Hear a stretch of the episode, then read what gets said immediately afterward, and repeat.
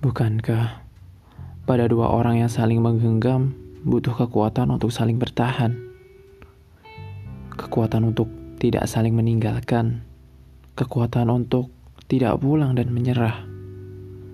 Tuntutan yang tak pernah henti, keinginan dari banyak sisi, kadang menjadikan diri seperti tak lagi bisa berlari, hingga tangis mendadak pecah dari sana-sini.